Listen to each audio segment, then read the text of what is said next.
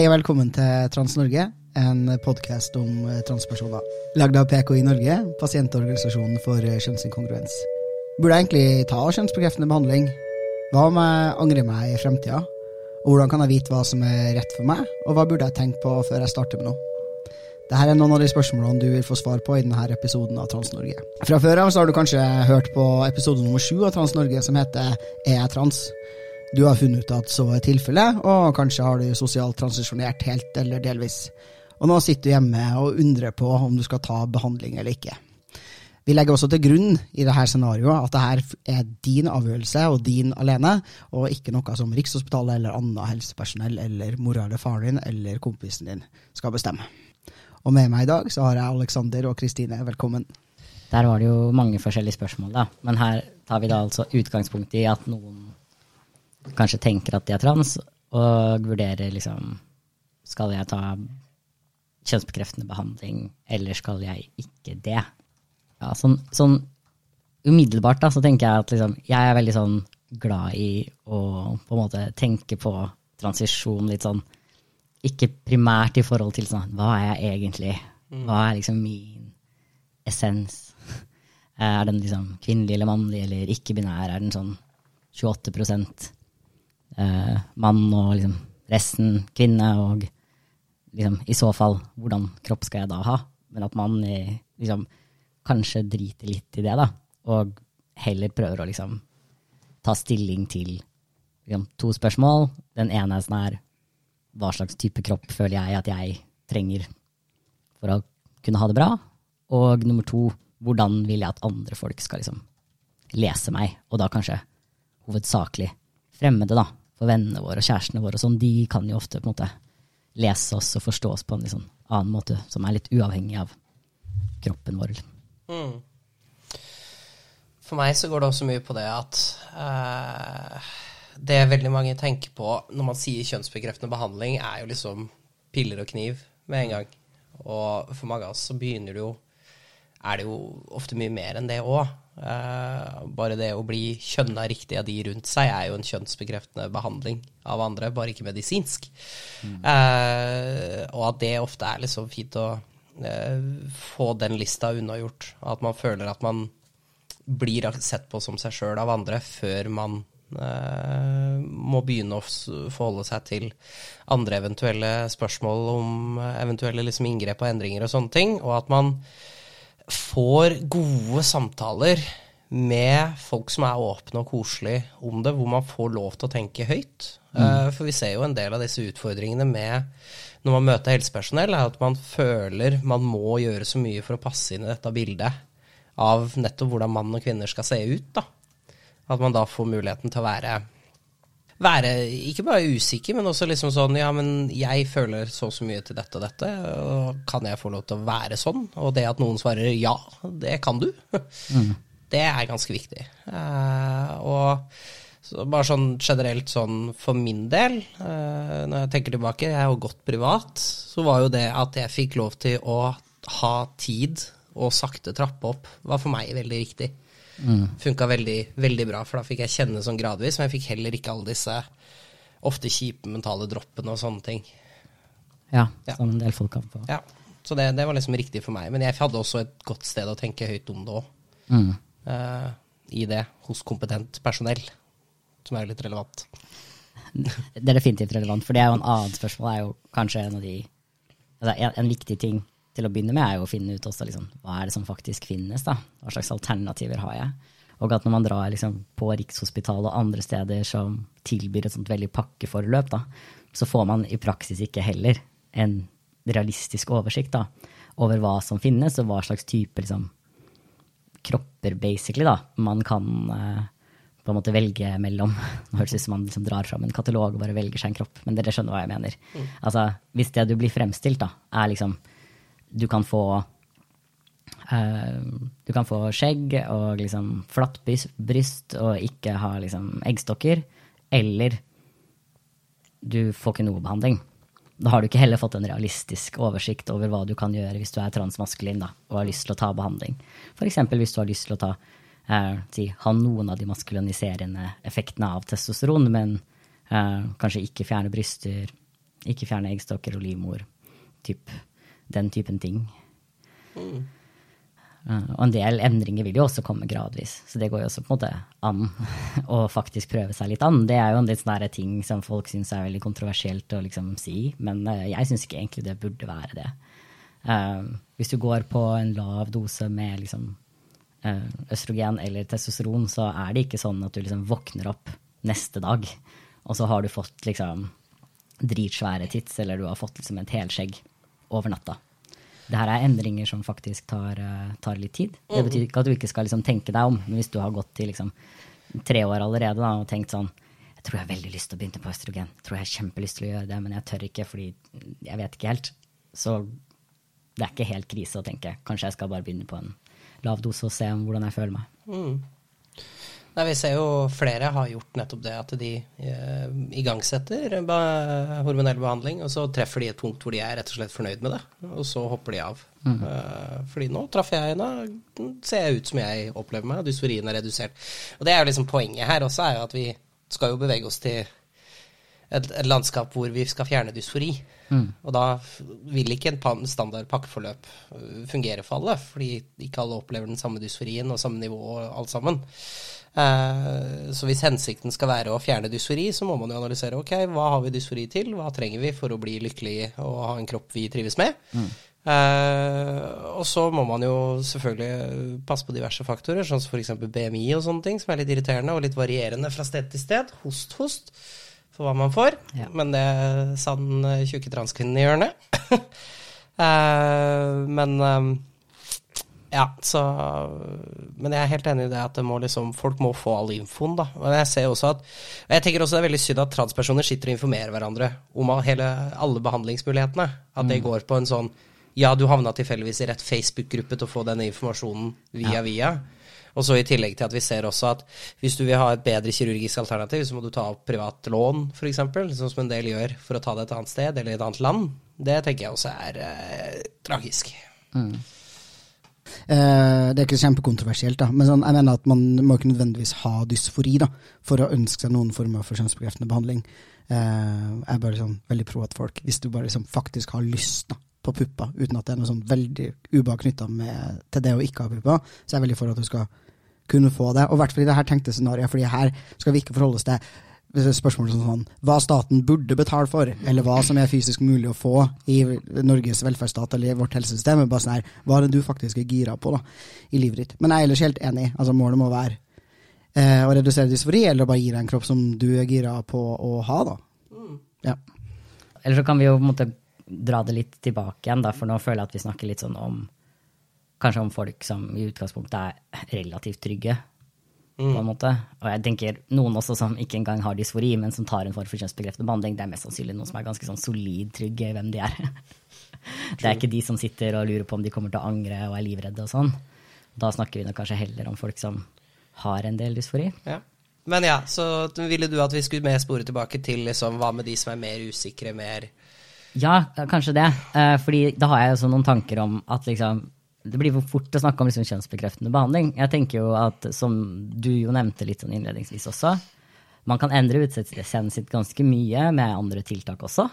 Det er definitivt noe du bør prøve hvis du er noen som er usikker på om kjønnsbekreftende behandling er riktig for deg. Så tenker jeg sånn, Det første du bør prøve å gjøre da, er å se liksom, hvilke deler av kroppen er jeg eventuelt dysforisk eh, for. da, Eller eventuelt hva slags lesninger fra samfunnet gjør meg dysforisk.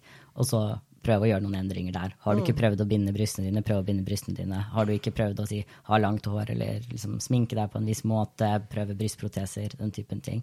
Så prøv det, om ikke annet så i hvert fall hjemme hos deg sjæl, så du får sett liksom får et, litt av et inntrykk, da. Hva slags, hvordan vil jeg se ut med en, med en sånn type kropp? Ja, klær, proteser og hår kan gjøre veldig mye, sammen med sminke. Eh, og da tenker jeg ikke bare i feminin retning, selvfølgelig, bare for å ha sagt det, men det kan gjøre mye uh, som kan gi deg en bedre pekepinn, sånn at du får kjent litt på det. Og da safe spacer å gjøre det i er definitivt uh, For hvis det er sånn at du gjør du tester ut disse tingene, og du føler deg latterliggjort, så vil du få en avsmak til det. Så du må liksom ha et trygt område å gjøre det, og helst også trygge folk. For da får du også kjent på deres relasjon til det på en god måte. Eh, det tenker jeg er sunt, da.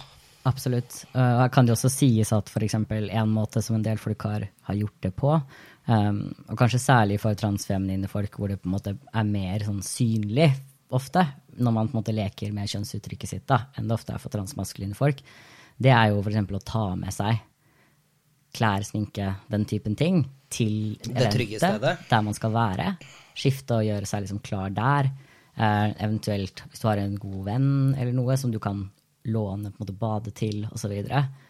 Og og faktisk liksom, gjøre seg i stand der hvis du er redd for å gå ute, og så literally liksom, bokstavelig talt bare prøve det ut. da, I det trygge rommet. Og liksom ta det av igjen. Ja, det var en variant av det jeg gjorde helt i starten, da jeg hadde bil. Så brukte jeg jo bilen sånn som mobil omkledningsplattform, omtrent. Og jeg sminka meg i bilen, skifta bak i bilen, gjemte meg i en garasje med liksom ryggen av bilen mot veggen, og ordna alt der.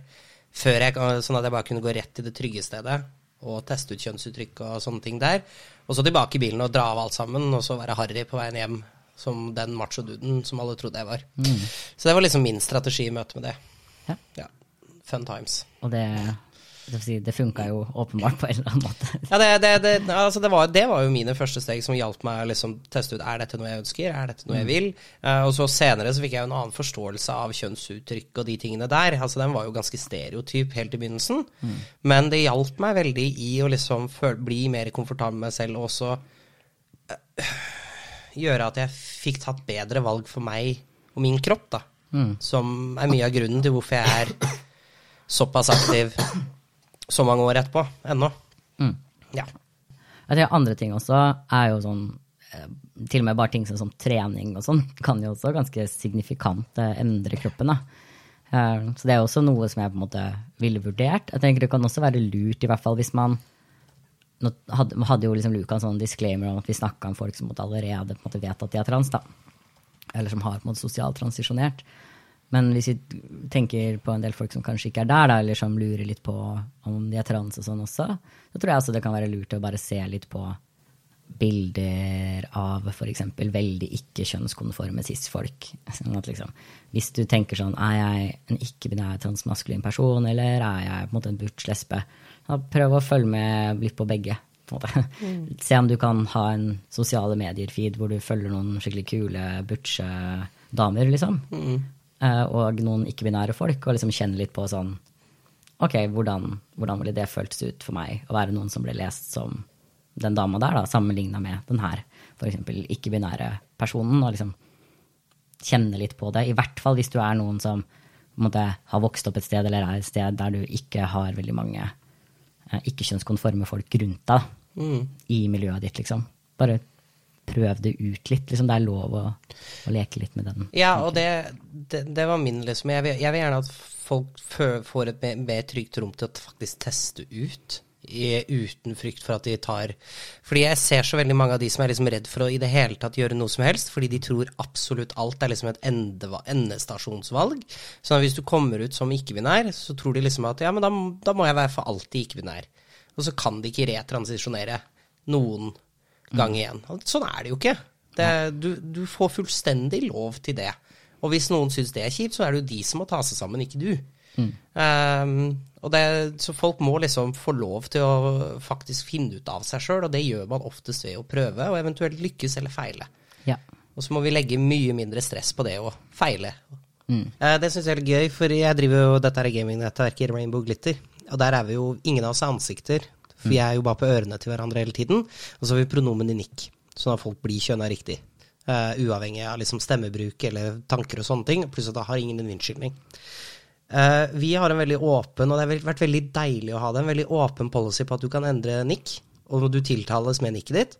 Uh, og så er det de som er litt nervøse, kan liksom eksempel være sånn I dag vil jeg gjerne at dere kaller meg Stian. Går det greit?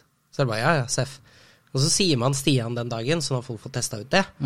Og så kan de putte et nytt nikk i pronomen. Nei, nytt pronomen i nikket. Og så må folk forholde seg til det. Og så, det har vært egentlig veldig deilig, for de har gjort at folk har liksom gått gjennom tre-fire navn før de har funnet det navnet de syns å, dette passer meg, dette funker smash. Og så har de fått testet ut flere forskjellige pronomen. Da har vi liksom vært gjennom han og hun og den og jeg, før vi liksom har landa på noe. Og så har de kanskje liksom gått tilbake og bare sånn nei, hun funka veldig bra, vi går for det. Og så tester de det over en lengre periode, og så kjenner de at det sitter, og så tar de ut til resten av verden. Så det har liksom vært utrolig hyggelig å se det, for det er mye det vi har gjort før også i i hvert fall de mindre skeive sirklene jeg har vært i, men også da kunne gjøre det på en litt sånn større skala, som samtidig knytter folk sammen rundt noe helt annet, som er bare at vi skal drive med gaming.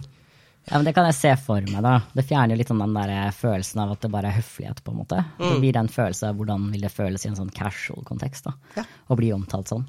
Um, og sånn er det jo en del sånn trans-spaces som er også. Jeg opplever at man har relativt stor um, sånn slingringsmonn på si, på på en måte bytte navn og pronomen, og også bare være ærlig om at nå prøver jeg ut det her en periode. Så når vi hadde de transleirene, eksempel, så eh, var vi jo veldig tydelige på det i begynnelsen. At liksom folk får navnelapp med pronomen, men hvis de vil endre det, så kan de endre både navn og pronomen når som helst. Og hver eneste leir som jeg har vært med på, så er det jo noen som har endret både navn og pronomen. Ja, Nå kommer og henter en ny lapp. Ja, jeg Ja. til å hente et ny lapp. Men det er jo så fint, hvorfor er ikke ting sånn? Åh, ja, for det er så mye lettere å ha med å gjøre. For det tar ut den derre at du vet at det For jeg blir oppriktig trist av tanke på at folk har vært redd for å liksom ta og teste ut nye ting eller noe sånt. Og føle at de sitter fanga i et valg de kanskje ikke ønska, eller aldri kunne ta et valg i det hele tatt. Helt enig. Og så tenker jeg også, her er det kanskje viktig å si at liksom det her bildet som en del liksom, transfober prøver å male, om at liksom, folk som såkalt liksom, desister, altså folk som ikke fortsetter å være trans, på en eller annen måte er sånn her utstøtt i miljøet, er liksom bare tull. Altså, sånn, det er veldig få som tar mye kjønnsbekreftende behandling og så liksom angrer på det. Men det er relativt vanlig for folk å i en periode prøve ut andre typer pronomen, ha en annen identitet. Jeg kjenner ganske mange som opp igjennom har liksom hatt perioder hvor de har sagt sånn å, jeg er ikke-binær, og kanskje bytta navn litt i noen år, og så senere så har de gått tilbake til det, og nå lever de bare jeg tror sånn, seriøst at liksom, jeg tror at veldig mange transfober ikke skjønner da, at liksom man skaper en mye større sannsynlighet for anger når man lager en sånn alt eller ingenting-type situasjon. Ja. Hvor folk ikke har muligheten til å prøve ut ting i det hele tatt. De må på en måte go all in med en gang. Så mm. når du valgt et navn, du har valgt et pronomen, du har valgt en identitet. Da må du gjøre det. Ja, så er det bare full pupp på gassen fra da, liksom. 100% fra da. Fordi hvis du ikke gjør 100% fra første øyeblikk, så tenker alle at det her er bare en trend, du er bare forvirra, du vet ikke hva du vil. Eh, sånn at hvis du finner ut at det var riktig for deg, da, så har du på en måte kan det føles som du på en måte har fucka det opp da, ved å på en måte sose rundt litt en periode. Jeg tror det er kjempeuheldig hvis man det man ønsker er at folk skal ta et genuint, liksom, gjennomtenkt, informert valg. da. Mm. Jeg syns det er veldig synd, men spesielt når det kommer til da liksom andre ting, sånn som hormoner og kirurgi og sånn. Og det at man kjører et sånt Du må gjøre absolutt alt dette før du Ellers så du ikke Får du ikke noe behandling, liksom. Det er, det er utrolig trist. Og det, det gjør at, sånn som vi da har sett eh, etter lov om endring av juridisk kjønn kom, eh, så har det gjort at folk har tatt valg for kroppen sin som de ikke ønska. Så Og det er veldig synd. Men i tillegg til også hvordan veldig ofte i det, Og det syns jeg vi også skal gi, liksom, ha som et tips, er finn andre som har gjennomgått det du vurderer å gjøre, og snakk med de om hvordan det var. Sånn at du én, du kan være forberedt, du kan vite hva du må passe på, hva du må huske på.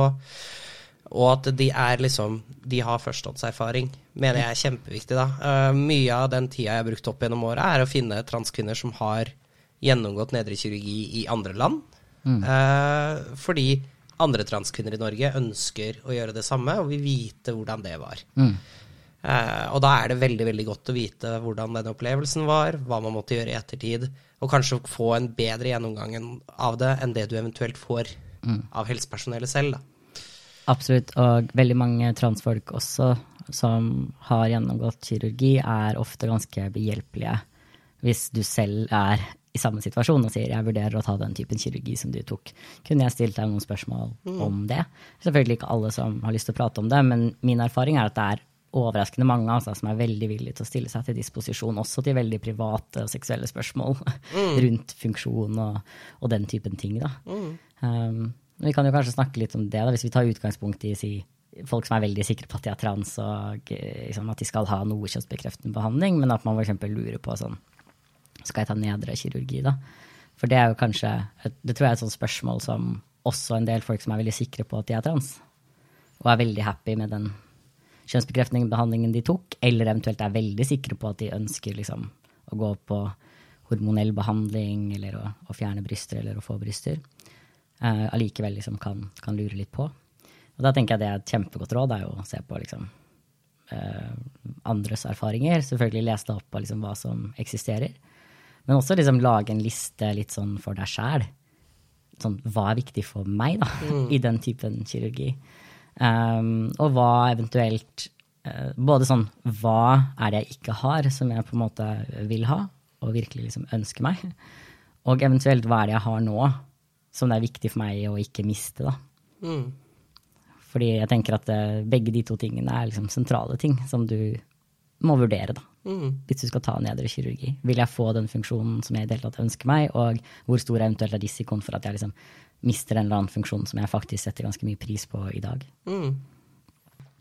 Jo, jeg, jeg, tenker spesielt at det der er litt viktig når man skal prøve å se på liksom hva man ønsker seg, sammenlignet med hva som faktisk er mulig. da. Fordi ganske for, som vi har snakka litt om tidligere, da, mangler informasjon om hva som faktisk er mulig, og har kanskje en sånn ganske sånn normativ idé om hvordan kjønnsbekreftende behandling ser ut. da.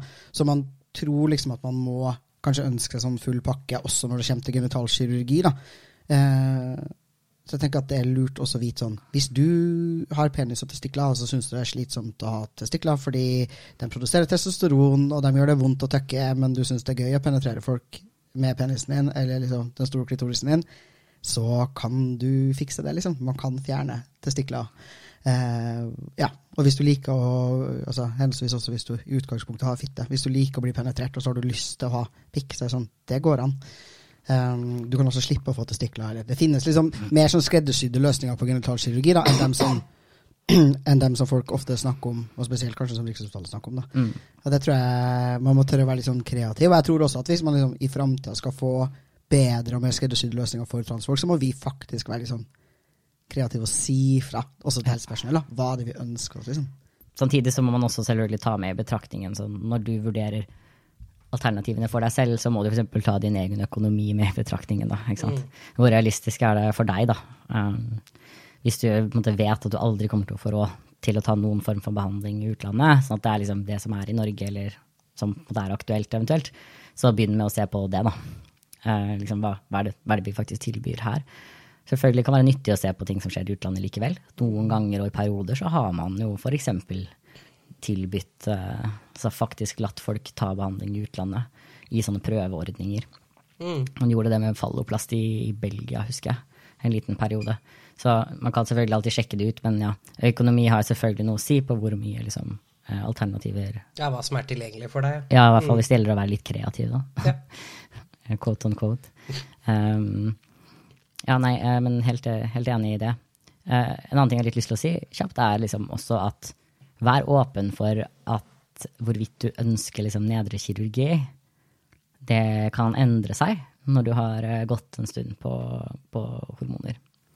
Det er i hvert fall min erfaring, er at det er, eh, ikke er så veldig uvanlig at det skjer. At folk som kan være ganske sikre, eh, særlig den veien, da, folk som ganske, føler seg veldig sikre på at de uh, vil ha nedre kirurgi etter liksom kanskje fem-seks år da, på mm. hormoner, finner ut at de kanskje ikke har så sterkt behov for det likevel. Um, og også at hormoner faktisk endrer kjønnsorganene dine ganske mye, da. Um, det kan være både i utseendet og hvordan du kan bruke de, men også liksom hvordan sex kjennes, og hvordan det liksom fysisk føles ut, hvordan det føles ut å få orgasme, hvordan det kjennes når du blir kåt. En del sånne ting som faktisk kan bli ganske annerledes, da, på måter som for noen er utslagsgivende. Mm. På hva slags kirurgi du ønsker. Så ikke lås deg i noe, liksom. Ikke føl at du liksom, Hvis du har sagt at 'jeg vil absolutt ta nedre kirurgi', og så føler du etter hvert at 'jeg tror ikke jeg trenger det', ikke tenk at du liksom Du må ikke gjøre det bare fordi du sa at du ville gjøre det mm. for fem år siden, på en måte. Nei. Uh, for å bare eksemplifisere det, sånn at det blir litt uh, Sånn at folk får et eksempel på det du sier. Jeg kjenner til en som var veldig veldig opptatt av skulle ha vaginoplasti, helst i Thailand uh, en god stund. Men så opplevde hun at hormonell behandling gjorde sånn at penis sluttet å være, bli hard i det hele tatt. Sånn at hun gikk og Men hun fortsatt hun opplevde ikke noe særlig dysfori til penis lenger. Eh, fordi den fungerte for henne som en klitoris. Og derfor, eh, Men hun opplevde fortsatt mye til dysfori til testikler. Så da var det øh, å fjerne de som ble det nye ønsket for fremtida. Eh, og har da gjennomført det. Og er svært tilfreds med underlivet per i dag, sist jeg sjekka. Men ja, altså, i motsetning til hva folk sier, så snakker vi i transmiljøet ganske mye om de her tingene internt. Det at vi ikke snakker om liksom, hva vi ønsker for kroppene våre, hvordan vi har lyst til å bruke dem når vi har sex, og hvordan det føles ut når vi er kåte, og alt mulig sånt, og nødvendigvis liksom foran masse folk vi ikke kjenner. Betyr ikke at liksom ikke transfolk har de her samtalene internt. Har eh, noen av dere opplevd at det behovet dere har hatt for kjønnsbekreftende behandling, har liksom endra seg over tid? Feel free to share if you want to. Um, ja, for meg så gjorde det det på noen ting. Um, jeg var eh, nok mer dysforisk før. Eh, så særlig sånn når det gjaldt uh, nedre kirurgi, det var noe som jeg var liksom 100% sikker på at jeg skulle ta, liksom. Ehm, mens når jeg hadde gått på liksom testo veldig lenge, så det, måte, ble det behovet mindre. Um, betyr ikke at jeg ikke er åpen for at det kan være noe jeg liksom ønsker meg i framtida. Men sånn som det er akkurat nå, da, eh, så syns jeg ikke liksom de alternativene var bra nok. Men jeg syns nok de var bra nok, kanskje, når jeg begynte. Um, så ja, det har endra seg litt. Jeg var nok, Du sa at du ble liksom mer dysforisk. Um, jeg var nok kanskje motsatt. Uh, jeg var mer dysforisk, tror jeg, før jeg begynte med noen form for kjønnsbekreftet behandling. Og så ble jeg mindre dysforisk uh, på, noen, på noen punkter, da. Når resten av liksom, kroppen min ble såpass maskulin. Så vil jeg bare si en ting her nå, at uh, nå snakket jeg liksom litt om nederkirurgi, og det er bare fordi for allerede lenge siden så føler jeg at absolutt alle fikk vite liksom hva slags uh, kjønnsorgan jeg har. uh, men det, det, ikke, det, betyr ikke at hvis du er en cis-person som hører på det her, liksom, og tenker sånn Det betyr at når jeg bare snakker på Twitter om random transting, så kan jeg begynne å snakke om liksom, kjønnsorganet til Alexander, så tar du feil. det er akkurat like upassende uansett. jeg snakker om det nå fordi jeg syns at det er at når den informasjonen allerede er der ute, så tenker jeg at det kan være nyttig for andre transfolk som er liksom tidlig i en sånn prosess, å høre det. Det er ikke en liksom, invitasjon til at uh, cis-folk kan snakke om liksom, kroppene våre. Agreed, ass. Um, ja, jeg har jo um, vært i den posisjonen at jeg uh, i utgangspunktet aldri har ønska meg, eller i noe særlig grad vurdert genitalkirurgi.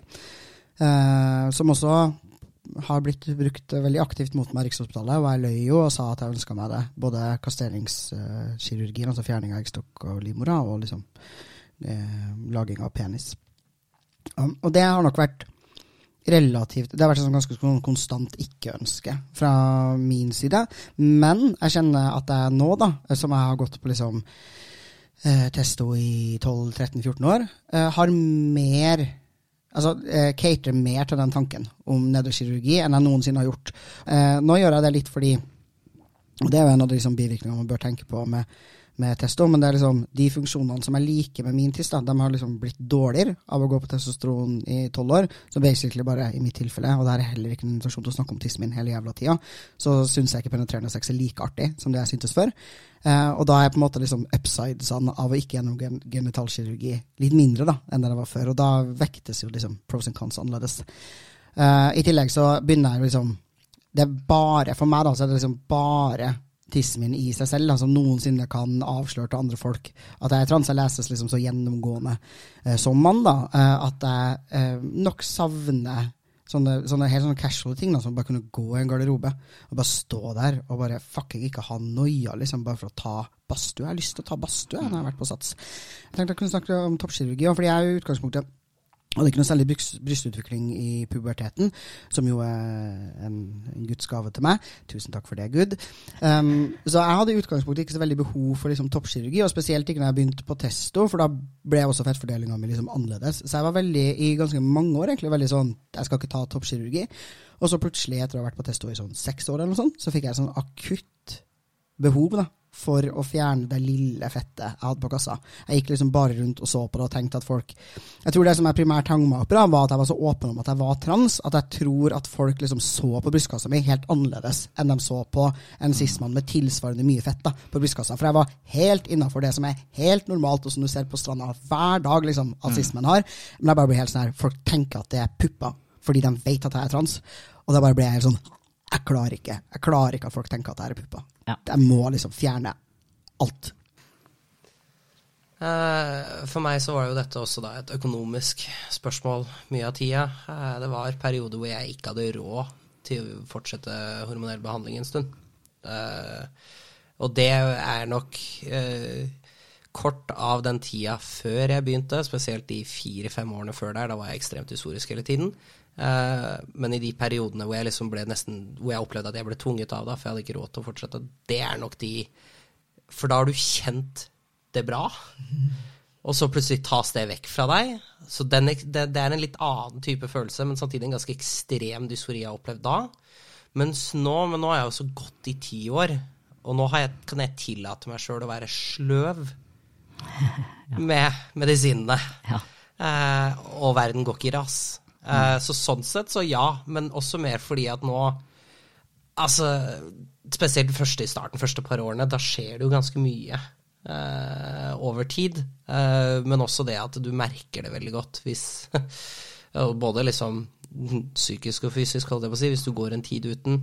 Uh, og det så nå, Mens nå er liksom ting mye mer stabilt, da. For det, det, nå er, altså det er ikke som at jeg hele kroppen tar av i feil retning på en ukes tid, liksom. Vi er ikke der. Men jeg tror det er fordi at da jeg kan tillate meg sjøl å gjøre det, snarere enn jeg blir tvunget til å gjøre det, har så mye å si. Eh, Så litt variabelt. Men jeg har definitivt eh, steg jeg ennå må ta for meg sjøl. De tar fortsatt laser i ansiktet. Jeg må fortsatt shave før jeg går ut. Eh, Og nekter å gå ut hvis jeg ikke har shava, liksom. Um, så jeg er fortsatt der. De tingene henger fortsatt i. Og det har også vært pga. økonomi, at jeg ikke har fått liksom ta alle stegene jeg ønsker å ta. Og har måttet kjøre en prioritering i steg også, i hva som har vært viktigst for meg for å gi dempe den verste delen av det.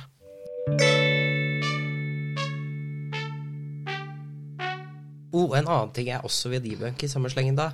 Eh, folk som er misfornøyd med behandling, slutter ikke å engasjere seg for transrettigheter av den grunn. Og fordi Det er også et narrativ jeg ser ofte, er at folk har fått dårlig f.eks. kirurgisk resultat, og så av en eller annen grunn så blir de misfornøyd med hele transmiljøet og slutter å engasjere seg. Eh, veldig ofte snarere tvert imot. Absolutt. Og kan jo sies at liksom, en av de tingene som jeg gjorde mye eh, i PKI, var jo å, å bidra og skrive klager Mm. på folk som var misfornøyd med behandling de har fått. Og det er ikke folk som på en måte ikke er trans. Altså, det er ikke folk som er liksom angrere, på en måte, som var liksom cis-folk som tok feil. Um, jeg har snakka ganske mye med folk som nettopp engasjerer seg i transaktivisme. Fordi de vil ha et bedre tilbud, fordi de selv opplevde da mye komplikasjoner, f.eks. Eh, etter kirurgi, eller opplevde at de ikke fikk, altså ble informert tilstrekkelig da, om risikoene og om liksom hva slags type funksjon de kom til å få etterpå. Så jeg er helt enig. Sånn, det har alltid vært en stor del av transbevegelsen å både kritisere det som er for dårlig, og å liksom være advocates da, for de som har fått for dårlig behandling. Jeg tenker jeg var så sinnssykt enig, da, fordi det er sånn Jeg har erfaring med Rikshospitalet personlig. Fikk jo ingen relevant informasjon. Altså All den informasjonen jeg trengte for å ta en avgjørelse om hvorvidt kjønnsbekreftende behandling var riktig for meg eller ikke, da, den fikk jeg i transmiljøet. Liksom. Det var andre transfolk som satt på den informasjonen, og det var der jeg fikk den fra. Jeg skulle ønske at det var annerledes. Altså, det er en viktig community-informasjon å ha, liksom, en knowledge vi er nødt til å dele med hverandre, men helsepersonell burde også hatt det. da. Eh, og det tenker jeg også er en viktig ting bare å si til transfolk òg, eller folk som lurer på kjønnsbekreftende behandling, er du må forstå at det her faktisk til syvende og sist er dine avgjørelser. da. Du har et ansvar selv for å innhente informasjonen du trenger, uh, og for å ta denne avgjørelsen. Det at helsepersonell har sagt at det er riktig for deg, det er ikke et sånn eh, stempel som gjør at, du, at det vil være riktig for deg, og at det er 100% sikkert. At du uh, blir kjempefornøyd, og at du aldri kommer til å angre, eller at det her er altså, jeg, jeg er enig, jeg skjønner hva du mener. Du er til syvende og sist ansvarlig for dine egne avgjørelser, og det gjelder særlig når man snakker om former for behandling hvor det ikke er noen enkle tester man kan ta. Da. Og sannheten er at liksom, det er ingen tester som noen kan ta for å finne ut om du er trans. De baserer seg på en måte på ditt ord. Eh, og så kan vi ha bedre sånn, uh, Selvfølgelig informert samtykke og det å faktisk gi ordentlig informasjon og mulighet til å utforske, det er noe som helsepersonell uh, skal gjøre og er plikta å gjøre. Men til syvende og sist, hvis det er sånn at du vet at du liksom sitter overfor helsepersonell og egentlig ikke har lyst til noe, og så sier du at du har veldig lyst til det, så er det ikke noe det er ikke sånn at helsepersonell har en hemmelig test som de kan på en måte bruke på å plukke det opp. Da. Det er liksom noe du må ta ansvar for å kommunisere selv. Eh, eventuelt ta en liten pause selv. Så er det dessverre veldig vanskelig da, hvis ja. man er i systemet til Riksen. Ja, for helsepersonell har et ansvar om å gjøre det til trygt område og si at uh, dette ønsker man f.eks. ikke. Mm. Og det er noe de definitivt kan jobbe veldig mye hardere med. Uh, Absolutt. så mm. og speaking av angre, så tenker jeg jeg er en sånn person da, som faktisk mener at liksom i hvor stor grad man angrer på ting, er også liksom til dels et valg. Altså sånn, uh, sånn at det, eh, Hvis du vet at du er noen som har en veldig høy kapasitet for anger, så tenker jeg at du også på en måte må ta ting mer seriøst. da. Hvis du er noen som tenker at hvis jeg om ti år finner ut at jeg ikke var trans likevel, så er det helt krise for meg. Da er det helt forferdelig for meg om jeg må være liksom, si en kvinne da, som liksom, har, litt skjegg, har litt skjeggvekst og har fjerna brystene, liksom, mm. og har mørk stemme, det vil være helt knusende forferdelig for meg. Da må du på en måte mye mer seriøst, eller ikke mye mer seriøst, men sånn, da må du tenke hardere, da, på hvorvidt du skal gjøre det eller ikke, enn mm. hvis du er noen som tenker til deg selv. Vel, hvis jeg om ti år tenker at da er jeg en dame, ja, da er jeg en litt skjeggete dame, da, som ikke har pupper. Ja, men det er greit. Jeg kan godt være en litt skjeggete dame som ikke har pupper. Det syns jeg er greit de to folka der er ikke det samme, da. De vil, måte, konsekvensen av å de er transjusjonære vil være forskjellig. Ja, og de vil også se på sin egen historie svært forskjellig etterpå mm. også. Uh, og analysere ting veldig uh, forskjellig. Ja, en annen ting som jeg alltid har tenkt at folk burde mm, gjøre, da, eller snakke til seg selv om, er sånn herre Ville du klart å tilgi deg selv? Og prøve å liksom ha en sånn samtale med den fremtidige deg, da. Og være sånn der, ok, du står nå overfor det her valget nåtidsluka velger å begynne på testosteron. Vil framtidsluka klare å tilgi meg hvis det er liksom feil valg? Er du et menneske som liksom vil tenke tilbake og være sånn Ok, jeg gjorde det beste jeg kunne, da. Ut ifra de forutsetningene hadde, den informasjonen jeg hadde, så føltes det riktig for meg, liksom. Uh, jeg tenker det, og jeg, sånn, jeg, vet at for veldig mange transfolk så blir det, særlig hvis man er tidlig i prosessen, da, så får man en sånn veldig uh, gut reaction bare på tanken av liksom Men hva om du angrer? Mm. Og det er ikke så veldig rart, fordi det er liksom det største talking pointet i hele verden, og sannsynligheten for det er veldig liten, sammenligna med hvor mye det snakkes om. Um, og jeg tror det, men jeg tror også det kan gjøre folk liksom litt irrasjonelt redde også, for å faktisk bare entertaine den tanken litt seriøst. Mm. Og det tenker jeg faktisk at du burde gjøre, og ikke bare avoide den. Til dels fordi det kan hende du finner ut at den tanken ikke var så skummel som det du trodde òg. Mm. Og at du faktisk sitter med deg selv litt ordentlig og tenker sånn Ja, men vet du hva, hvor krise hadde det vært, egentlig? Hva hadde jeg gjort? Hvordan, hvordan hadde det vært hvis jeg fant ut at det ikke var tilfellet? Så kan det hende at svaret på det er mindre skummelt enn det du intuitivt føler når du prøver å unngå å tenke på det. Men da fordrer det at vi stiller det spørsmålet til oss sjøl for ti år siden, holdt jeg på å si, eller når enn vi begynte. Nå har jo vi tre holdt på en stund. Hvem var dere da på det tidspunktet? Tok dere mm. den samtalen med dere selv, og hva konkluderte dere i så fall med? Ja, eh, jeg, jeg tok den samtalen til dels fordi den ble tatt for meg. Det var liksom en av de spørsmålene som jeg ble stilt mye. Uh, fra, også fra mine nærmeste. Det var veldig sånn Ja, men hva om du Hva om du angrer? og jeg husker en av dem var liksom uh, en familie som spurte meg sånn Men hva, liksom, hva om du måtte våkner opp liksom, og du er 40, og du bare er sånn Nei, jeg, jeg er en dame igjen, liksom. Og det har endra seg. Uh, og jeg tenkte på det, og jeg tenker det samme nå som jeg gjorde da. Så jeg var bare tenåring da. Hvor jeg liksom husker jeg veldig tydelig at jeg svarte litt sånn Ja, men vet du hva? da, hvis det skjer når jeg er 40, ja, da får jeg bli en dame igjen, da. Nå har jeg gått gjennom denne prosessen en gang, ja, da får jeg gå gjennom den igjen, da. Da får jeg være en eh, dame som har på en måte den typen kropp. Jeg kjenner allerede damer som har den typen kropp. Jeg kjenner masse transkvinner som har transisjonert når de var 40, og som lever og har det bra.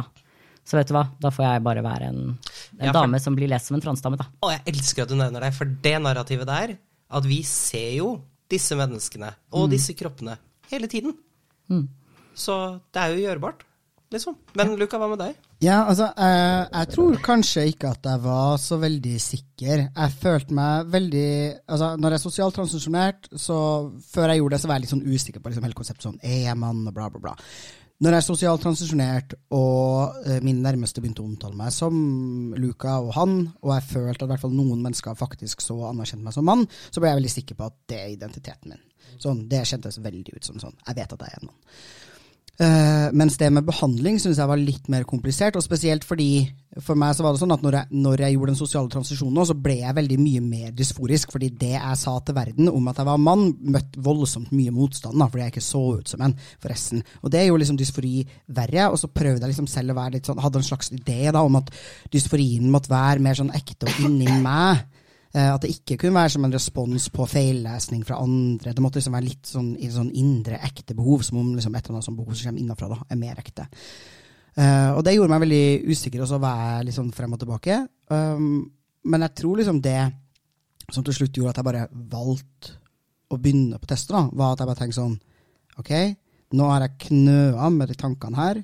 Det kjennes ut som jeg ikke kommer noe videre, liksom. Er, jeg blir ikke noe noe i noen retning. Det er masse ting med testosteron jeg ønsker meg, og så har jeg en sånn diffus idé om ting jeg kanskje ikke ønsker meg. Altså, det var ingen konkrete ting jeg ikke ønska meg med testosteron, eller som jeg syntes var helt fantastisk med den nåværende tilstanden. Jeg var bare sånn diffust redd for at det ikke skulle være riktig. Eh, og det tror jeg var nok for meg. Så da tenkte jeg sånn, ok, da får jeg faen meg give it a go. da, Så jeg tenkte litt sånn som deg, Alexander, at det er sånn her, hvis det blir feil, så én, du gror ikke helskjegg over natta. Det tok meg faen meg fem år, liksom, å gro det skjegget. Eh, og det er fortsatt liksom coming in. Um, og jeg kommer til å jeg tenkte hva jeg tenkte, jeg kommer til å klare å tilgi meg selv. Og jeg tror jeg kommer til å også tørre uh, å si fra. Hvis jeg merker at det blir feil for meg, så skal jeg tørre å si fra til mine omgivelser og klare å stå i det. da, Og være sånn ja ok, så ble ikke det riktig, da. What the fuck you gonna do? liksom. Ikke press meg til å fortsette, på en måte. Ja. Enn du, Kristine? Um, jeg var uh, egentlig ganske nervøs uh, til å begynne med. Og så ble jeg mer nervøs av at det å um, ta på seg det som vi da kalte dameklær, eh, ikke gjorde en skit. Og ikke gjorde meg noe mer sikker. Uh, og det gjorde i hvert fall ikke at folk begynte å nødvendigvis se på meg mer som sånn jeg som meg sjøl. så jeg trengte å omgi meg med folk som brukte riktig pronomen og ting uavhengig av det. Sånn at jeg kunne stille i joggebukse og slack T-skjorte og faktisk oppleve at jeg fortsatt var Kristine i disse menneskene sine øyne, og tro dem. Og, men pga. all den usikkerheten så trengte jeg å ta en sakte og rolig start. Uh, og ha liksom muligheten til å kjenne på det. Og så føre logg gjorde jeg også på den tida. Med sånn Sånn her har jeg det nå. Dette er denne uka, dette er denne uka.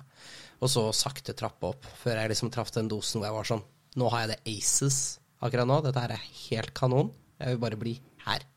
Og når da eh, responsen var Ja, men da blir vi der. Så var det liksom bare Nei, jeg kan gjøre det. Ja, men det er nice. Ok, men da, da bare blir vi her, da. Fett. Kult.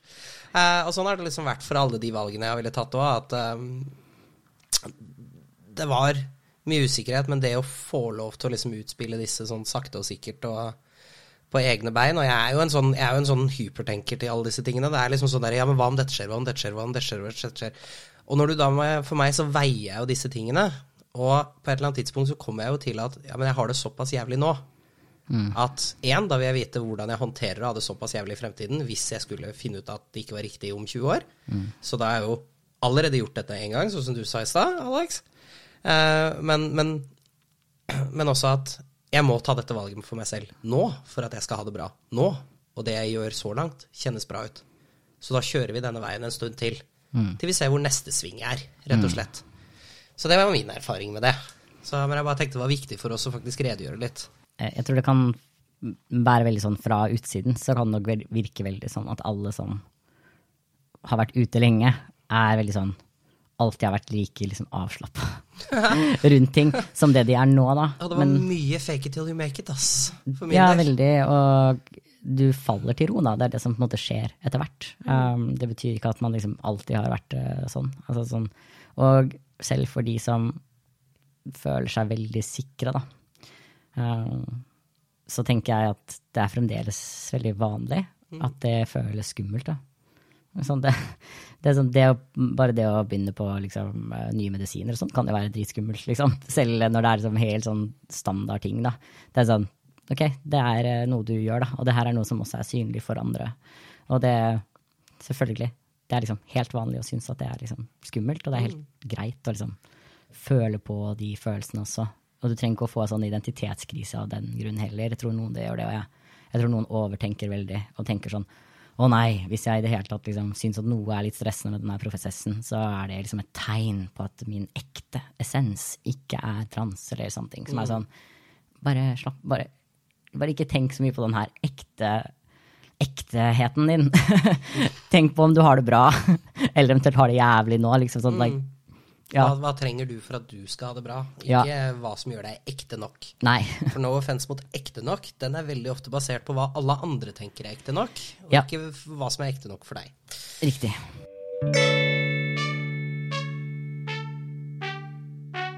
Jeg tror kjempemasse av det her var kjempenyttig for folk som sitter hjemme og lurer på om de skal ta kjønnsbekreftende behandling. Og så må vi selvfølgelig disclaime at eh, fortsatt da, så det er en avgjørelse som du må ta, eh, og som du ikke fullstendig kan basere på hva vi tre har sagt her i dag.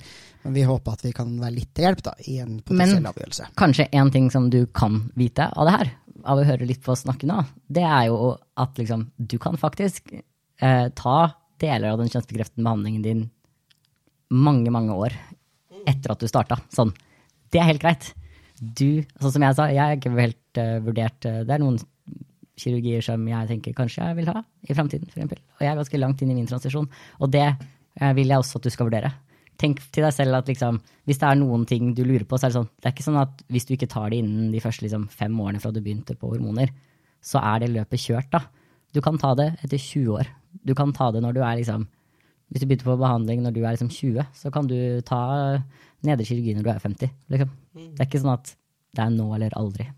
Og du må ikke gå i den linja som alle tror de må gå i. Det er ikke bare en rett strek. Det er, behandlingsløpet er en krøkkete vei.